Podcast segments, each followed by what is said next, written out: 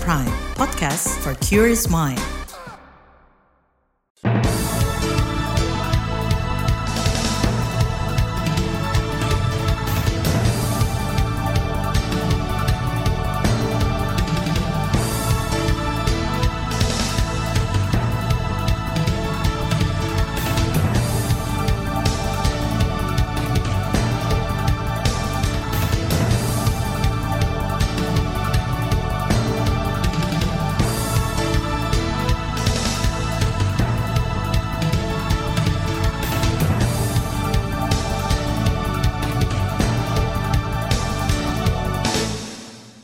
Selamat pagi saudara, senang sekali kami bisa menjumpai Anda kembali melalui program Buletin Pagi, edisi Rabu 28 Juni 2023. Bersama saya Agus Lukman, sejumlah informasi pilihan telah kami siapkan, di antaranya pemerintah akui proses hukum dalam pelanggaran HAM berat terkendala.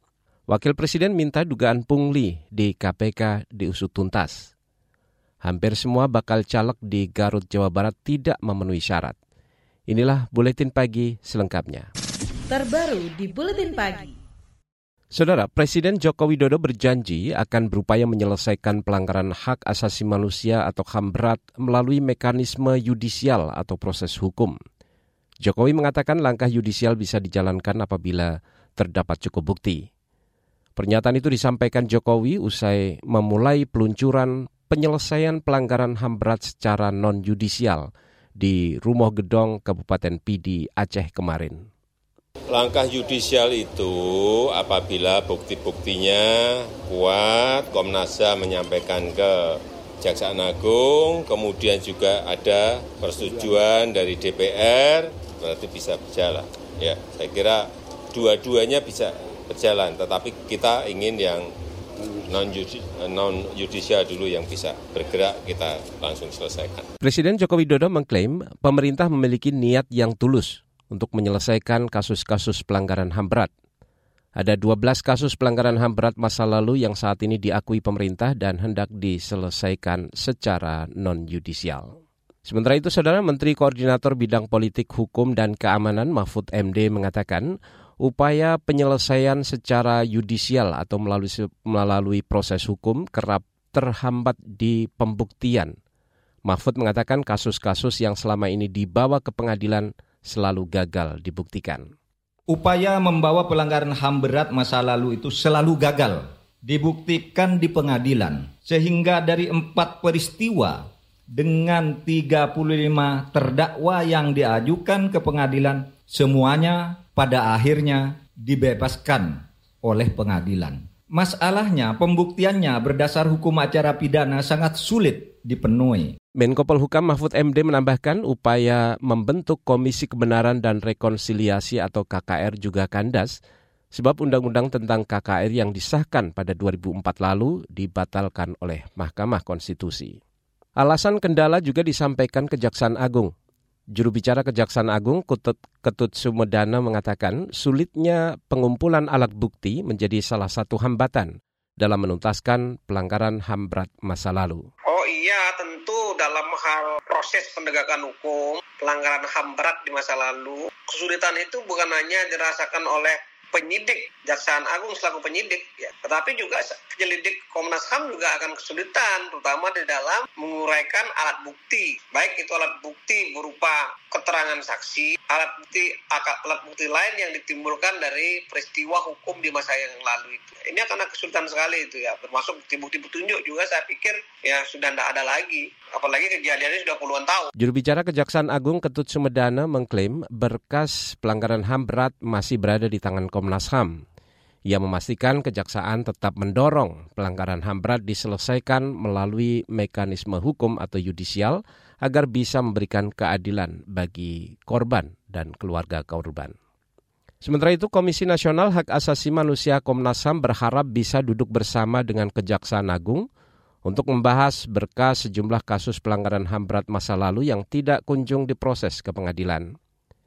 Komisioner Komnas HAM Anis Hidayah mengatakan aspek pembuktian pelanggaran HAM berat memang berbeda dengan pidana biasa. sejauh ini memang ada komunikasi mungkin yang perlu diperbaiki gitu ya antara Komnas HAM dengan Kejaksaan Agung sehingga ada konsensus di antara dua institusi ini dalam hal penyelidikan dan penyidikan gitu ya sehingga ada pergerakan proses yudisial gitu ya. Jikapun ada pembuktian yang sulit gitu ya dipenuhi maka harus ada solusi, ada semacam terobosan hukum yang bisa dilakukan gitu ya untuk memberikan keadilan bagi para korban. Apalagi pelanggaran HAM berat ini kan sudah puluhan tahun ya mereka mengalami penderitaan gitu para korban itu gitu. Komisioner Komnas HAM Anis Hidayah mengatakan penyelesaian pelanggaran HAM berat memerlukan politik hukum yang maksimal dari negara. Selama ini berkas hasil penyelidikan Komnas HAM dalam kasus pelanggaran HAM berat selalu dikembalikan oleh Kejaksaan Agung dengan alasan tidak cukup bukti untuk diproses ke pengadilan HAM. Di tempat lain, saudara, ahli hukum pidana dari Universitas Trisakti Jakarta, Abdul Fikar Hajar, mengatakan pengakuan negara dapat dijadikan alat bukti penyelesaian yudisial pelanggaran HAM berat. Pernyataan Abdul Fikar ini merujuk pada pengakuan Presiden Joko Widodo atas 12 kasus pelanggaran HAM berat yang pernah terjadi di Indonesia. Ketika untuk mendudukan kebenarannya itu yang agak sulit memang gitu karena butuhkan para saksi ya mungkin saja para saksi sudah pada meninggal dunia pada saat sekarang. Nah itu yang agak sulit itu. Nah jadi eh, di samping sediaan negara atau pemerintah membayar ganti rugi atau kompensasi uh, yang lain, tapi juga harus ada kesediaan negara mengakui kesalahannya bahwa pada masa lalu negara sudah melakukan kejahatan atau pelanggaran HAM terhadap warganya. Karena pengakuan itu di dalam perspektif hukum itu alat bukti. Ahli hukum pidana dari Universitas Trisakti Jakarta, Abdul Fikar Hajar menambahkan, bukti lain yang bisa memperkuat kasus pelanggaran HAM berat adalah lokasi tempat kejadian perkara. Abdul Fikar juga menyesalkan sikap pemerintah Aceh yang menghancurkan rumah gedong di Aceh yang merupakan bukti kasus pelanggaran HAM berat masa lalu. Menurutnya, upaya penghancuran itu menjadi indikasi pemerintah tengah menghapus bukti-bukti kejahatan kemanusiaan yang pernah terjadi. Saudara, seorang pegawai KPK diduga terlibat korupsi di lembaga anti korupsi itu. Informasi selengkapnya kami hadirkan sesaat lagi, tetaplah di Buletin Pagi KBR. You're listening to KBR Pride, podcast for curious mind. Enjoy!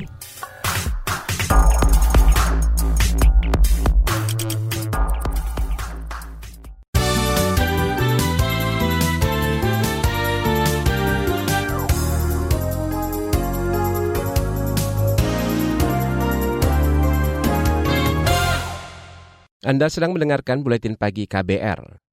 Wakil Presiden Maruf Amin meminta Komisi Pemberantasan Korupsi KPK mengusut tuntas dugaan pungutan liar atau pungli di rumah tahanan KPK. Maruf Amin mengatakan KPK harus bersih dari korupsi karena merupakan lembaga penegak hukum di bidang pemberantasan korupsi.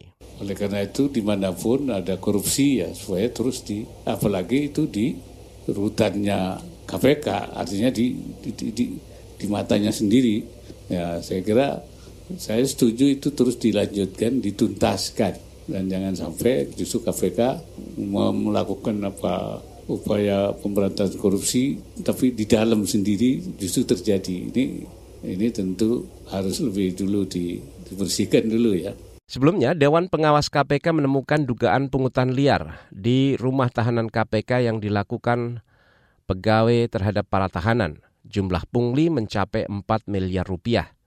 Pimpinan KPK mengklaim sudah membebas tugaskan puluhan pegawai yang terlibat. Selain dugaan pungli, KPK juga disorot lantaran adanya dugaan korupsi yang dilakukan pegawainya sendiri. Sekretaris Jenderal KPK Cahya Harefa mengatakan, korupsi yang dilakukan pegawai KPK itu diduga dilakukan dalam kurun waktu 2021 hingga 2022 dengan nilai awal kerugian negara mencapai lebih dari setengah miliar rupiah. Masih dari informasi hukum, bekas Menteri Komunikasi dan Informatika Johnny G. Plate berencana mengajukan nota keberatan atau eksepsi atas dugaan kasus korupsi proyek BTS 4G di Kementerian Kominfo. Johnny G. Plate sesumbar bakal membuktikan ia tidak bersalah. Oh, sebagai informasi bagi yang mulia, ya. kami kemarin baru menerima dakwaan. Baru menerima dakwaan. Kemarin. Oke Pak. Eh, makanya kami memahami apa yang disampaikan oleh penasihat hukum kami. Namun karena majelis telah memutuskan, kami menghormati itu. Yeah. Kami tidak ada penjelasan tambahan. Terima kasih Yang Mulia. Sebelumnya, Johnny G. Plate didakwa melakukan korupsi dalam proyek pengadaan BTS 4G hingga menyebabkan kerugian negara hingga 8 triliun rupiah. Kita ke informasi lain, Badan Reserse dan Kriminal Mabes Polri menangkap empat tersangka tindak pidana perdagangan anak balita. Direktur Tindak Pidana Umum Baris Krim Polri, Juhandani Raharjo Puro mengatakan, modus yang digunakan pelaku adalah membantu atau menawarkan jasa adopsi anak bagi orang-orang yang membutuhkan. Hingga saat ini sudah ada 16 bayi yang diselamatkan tentang pengungkapan jaringan tindak pidana perdagangan bayi dengan tersangka saat ini ada empat orang uh, tersangka. Tersangka yaitu saudara DM umur 25 tahun berperan sebagai pemasok atau pencari bayi. Kemudian yang kedua, saudara SA 50 tahun sebagai pemasok dan pencari bayi-bayi saudara E 44 tahun, saudara Y umur 35 tahun berperan sebagai penampung dan penyalur. Direktur Tindak Pidana Umum Bares Krim Polri, Juhandani Raharjo Puro menambahkan, polisi akan terus mengusut perdagangan bayi dengan modus-modus serupa. Ia mengimbau masyarakat tidak mengadopsi anak dengan menggunakan jasa ilegal, apalagi melalui media sosial. Kita ke informasi Hari Raya Kurban. Saudara penyembelihan hewan kurban tahun ini diperkirakan akan menghasilkan lebih dari 100 juta lembar kantong plastik sekali pakai. Angka itu didapat dari jumlah hewan kurban Idul Adha tahun ini yang mencapai 1,7 juta ekor.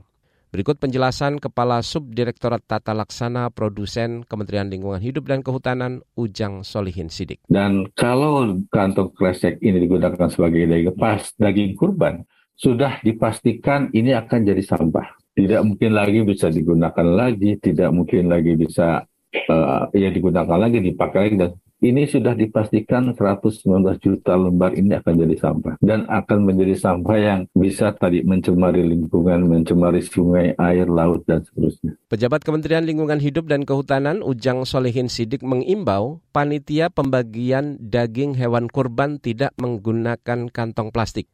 Ia menyarankan agar panitia mengajak masyarakat membawa wadah atau tempat sendiri.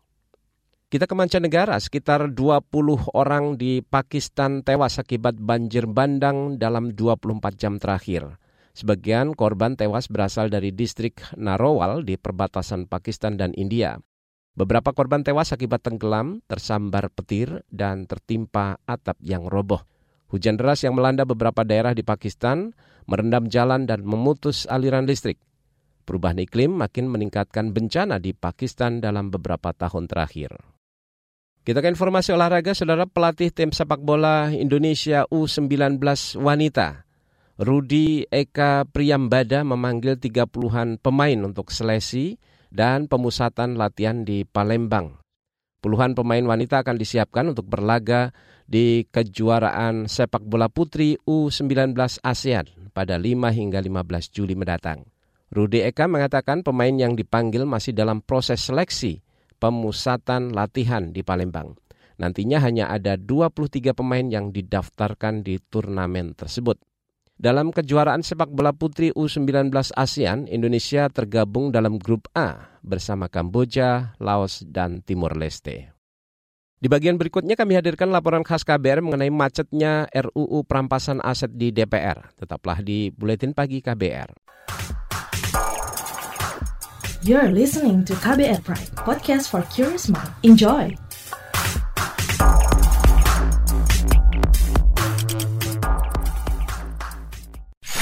Commercial break. Commercial break. Oke Google, cariin apa yang lagi trending sekarang dong. Yang lagi viral yang lagi hits. Aduh, kamu ini tahunya cuma nyur doang. Lah, dia nolak. Aku bilangin Siri nih. Ya sudah-sudah jangan ngambek dong. Kamu cukup buka KBR Prime titik ide, lalu cari What's Trending. Semua dibahas tuntas dengan narasumber yang kredibel, jadi bisa buat referensi kamu. Wah iya nih, keren banget ya. Setiap hari lagi. Betul, dari Senin sampai Jumat. Jangan lupa hanya di KBR Prime titik ide atau di aplikasi podcast lainnya. Makasih ya Mbah Google. Hei kamu ini, saya masih gadis, kenapa dipanggil Mbah? KBR Prime, podcast for curious mind.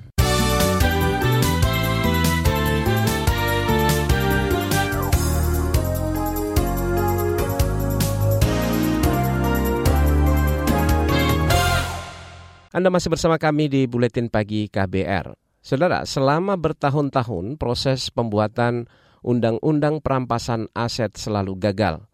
Padahal draft aturan ini sudah dibuat sejak 2006 lalu. Pemerintah kini mendorong lagi agar RUU Perampasan Aset segera dibahas. Bagaimana proses saat ini? Berikut laporan khas KBR yang dibacakan Astri Yuwanasari. Presiden Joko Widodo terlihat kesal ketika ditanya wartawan mengenai nasib pembahasan rancangan Undang-Undang Perampasan Aset. RUU Perampasan Aset, saya itu sudah mendorong tidak sekali dua kali. Sekarang itu posisinya ada di DPR, apakah pemerintah akan mendorong lagi agar Masa saya ulang terus, saya ulang terus, saya ulang terus. Dan udah lah, sudah di DPR, sekarang dorong saja yang di sana. RUU Perampasan Aset menjadi salah satu fokus pemerintah saat ini, setelah sebelumnya publik dikejutkan dengan adanya transaksi mencurigakan di Kementerian Keuangan senilai 349 triliun rupiah yang diduga bagian dari praktik pencucian uang. Jokowi sudah mengirim dua surat ke DPR pada 4 Mei lalu untuk mempercepat pembahasan RUU tersebut. Satu surat berisi lampiran draft RUU perampasan aset, dan surat kedua berisi penugasan kepada sejumlah menteri dan pejabat untuk membahas RUU itu dengan DPR. Pejabat yang ditugasi antara lain Menteri Koordinator Politik Hukum dan Keamanan Mahfud MD, Menteri Hukum dan HAM Yasona Lauli, Jaksa Agung ST Burhanuddin, dan Kapolri Listio Sigit Prabowo. Menko Polhukam Mahfud MD mengatakan, kini pemerintah menunggu DPR segera memproses permintaan pembahasan RUU perampasan aset itu. Sudah ada aturannya, kita tunggu saja prosesnya. Ya, ya tergantung DPR kapan. Kalau kita sih udah siap, udah lama, udah bertahun-tahun kita siap. DPR-nya kapan ayo. Publik menyoroti sikap DPR yang tidak kunjung memproses surat presiden tentang RUU perampasan aset. Padahal sejak surat diserahkan ke parlemen, DPR sudah menggelar enam kali sidang paripurna. Sementara itu, pimpinan DPR meminta publik bersabar – Ketua DPR Puan Maharani beralasan pembahasan RUU tidak boleh terburu-buru.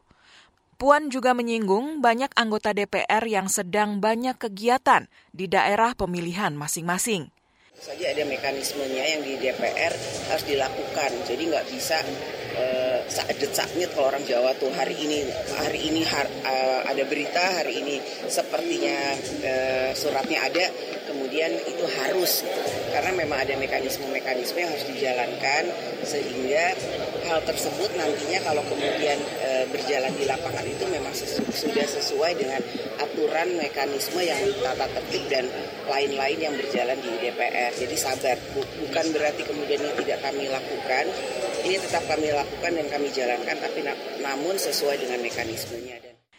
Lambatnya DPR memproses pembahasan RUU perampasan aset menimbulkan kecurigaan.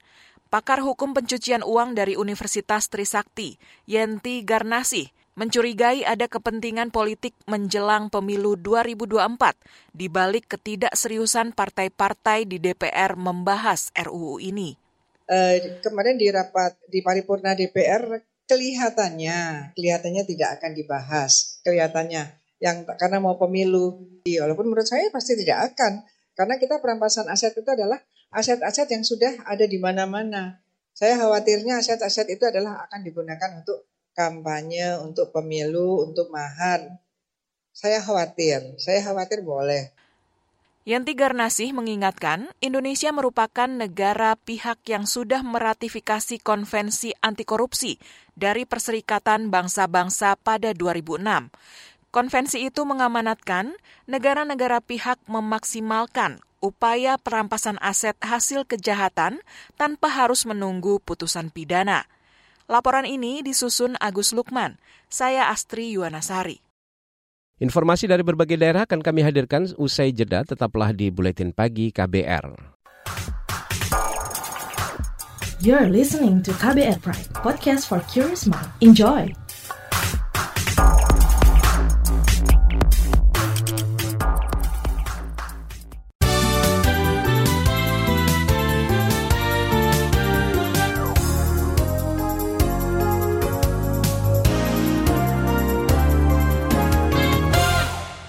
Kita berada di bagian akhir buletin pagi KBR. Kita awali dari informasi pemilu 2024. Kabar pemilu. Kabar pemilu. Kita ke Jawa Barat. Saudara hampir seluruh bakal calon anggota legislatif di Kabupaten Garut tidak lolos persyaratan administratif. Anggota Komisi Pemilihan Umum KPU Garut, Dindin Ahmad Zainuddin, mengatakan hanya dua bakal caleg yang lolos syarat administratif. Setelah hasil dari verifikasi operator kami, hanya dua bacalon yang MS yang memenuhi syarat, satu orang dari Perindo dan satu orang dari Nasdem.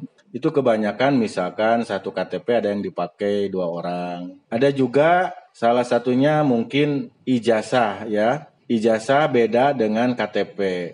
Ada juga kendalanya kawan-kawan partai yang memang IT-nya tidak support.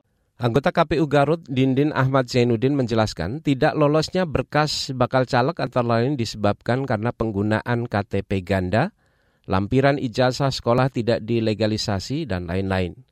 KPU memberi to waktu toleransi pemenuhan syarat administrasi kepada para bakal caleg hingga 9 Juli mendatang.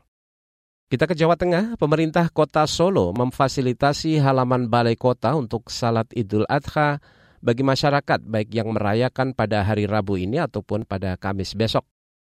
Wali Kota Solo Gibran Rakabuming mengatakan perbedaan waktu Idul Adha tidak perlu dipermasalahkan. Pokoknya kemarin udah saya instruksikan ke Pak Sekda yang pengen sholat hari Rabu kita fasilitasi, tidak masalah. Ya, Rabu boleh, Kamis boleh. Ya. Wali Kota Solo Gibran Rakabuming mengajak masyarakat menyikapi perbedaan waktu Idul Adha dengan bijaksana, sehingga toleransi antar umat beragama bisa terjaga. Pengurus Pusat Muhammadiyah menetapkan Idul Adha bertepatan pada hari Rabu ini, sedangkan pemerintah baru akan berlebaran Idul Adha pada Kamis besok. Kita ke Jawa Timur, saudara sejumlah organisasi masyarakat mengeluarkan laporan monitoring sidang tragedi Kanjuruhan – dan riset aspek keadilan bagi saksi dan korban penembakan gas air mata.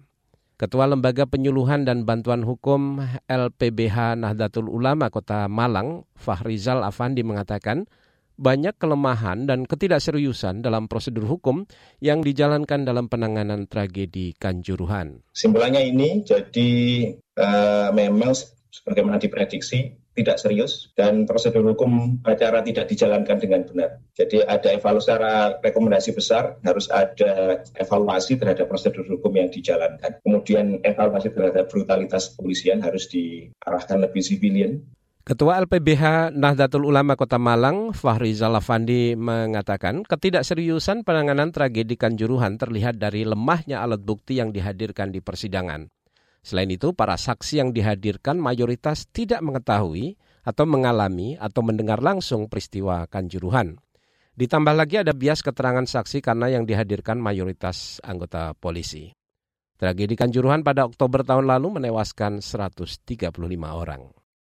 Kita ke Papua. Semua korban kecelakaan pesawat Sam Air PKSMW dinyatakan tewas. Enam korban itu ditemukan meninggal setelah personel tim SAR gabungan menjangkau lokasi bangkai pesawat di distrik Welarek, Yalimo, Papua Pegunungan pada kemarin siang. Dikutip dari antara, Kepala Operasi dan Siaga Basarnas Jayapura, Marinus Ohoirot mengatakan, kondisi pesawat PKSMW hangus terbakar. Rencananya semua korban akan dibawa menggunakan helikopter TNI Angkatan Udara yang saat ini bersiaga di Wamena, Jaya Wijaya. Informasi tadi menutup jumpa kita di Buletin Pagi hari ini. Pantau juga informasi terbaru melalui kabar baru, situs kbr.id, Twitter kami di akun @beritaKBR, serta podcast di alamat kbrprime.id. Akhirnya saya Agus Lukman bersama tim yang bertugas kami undur diri. Salam.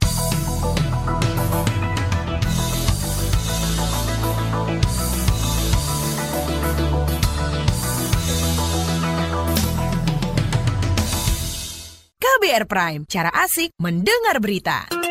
KBR Prime, podcast for curious mind.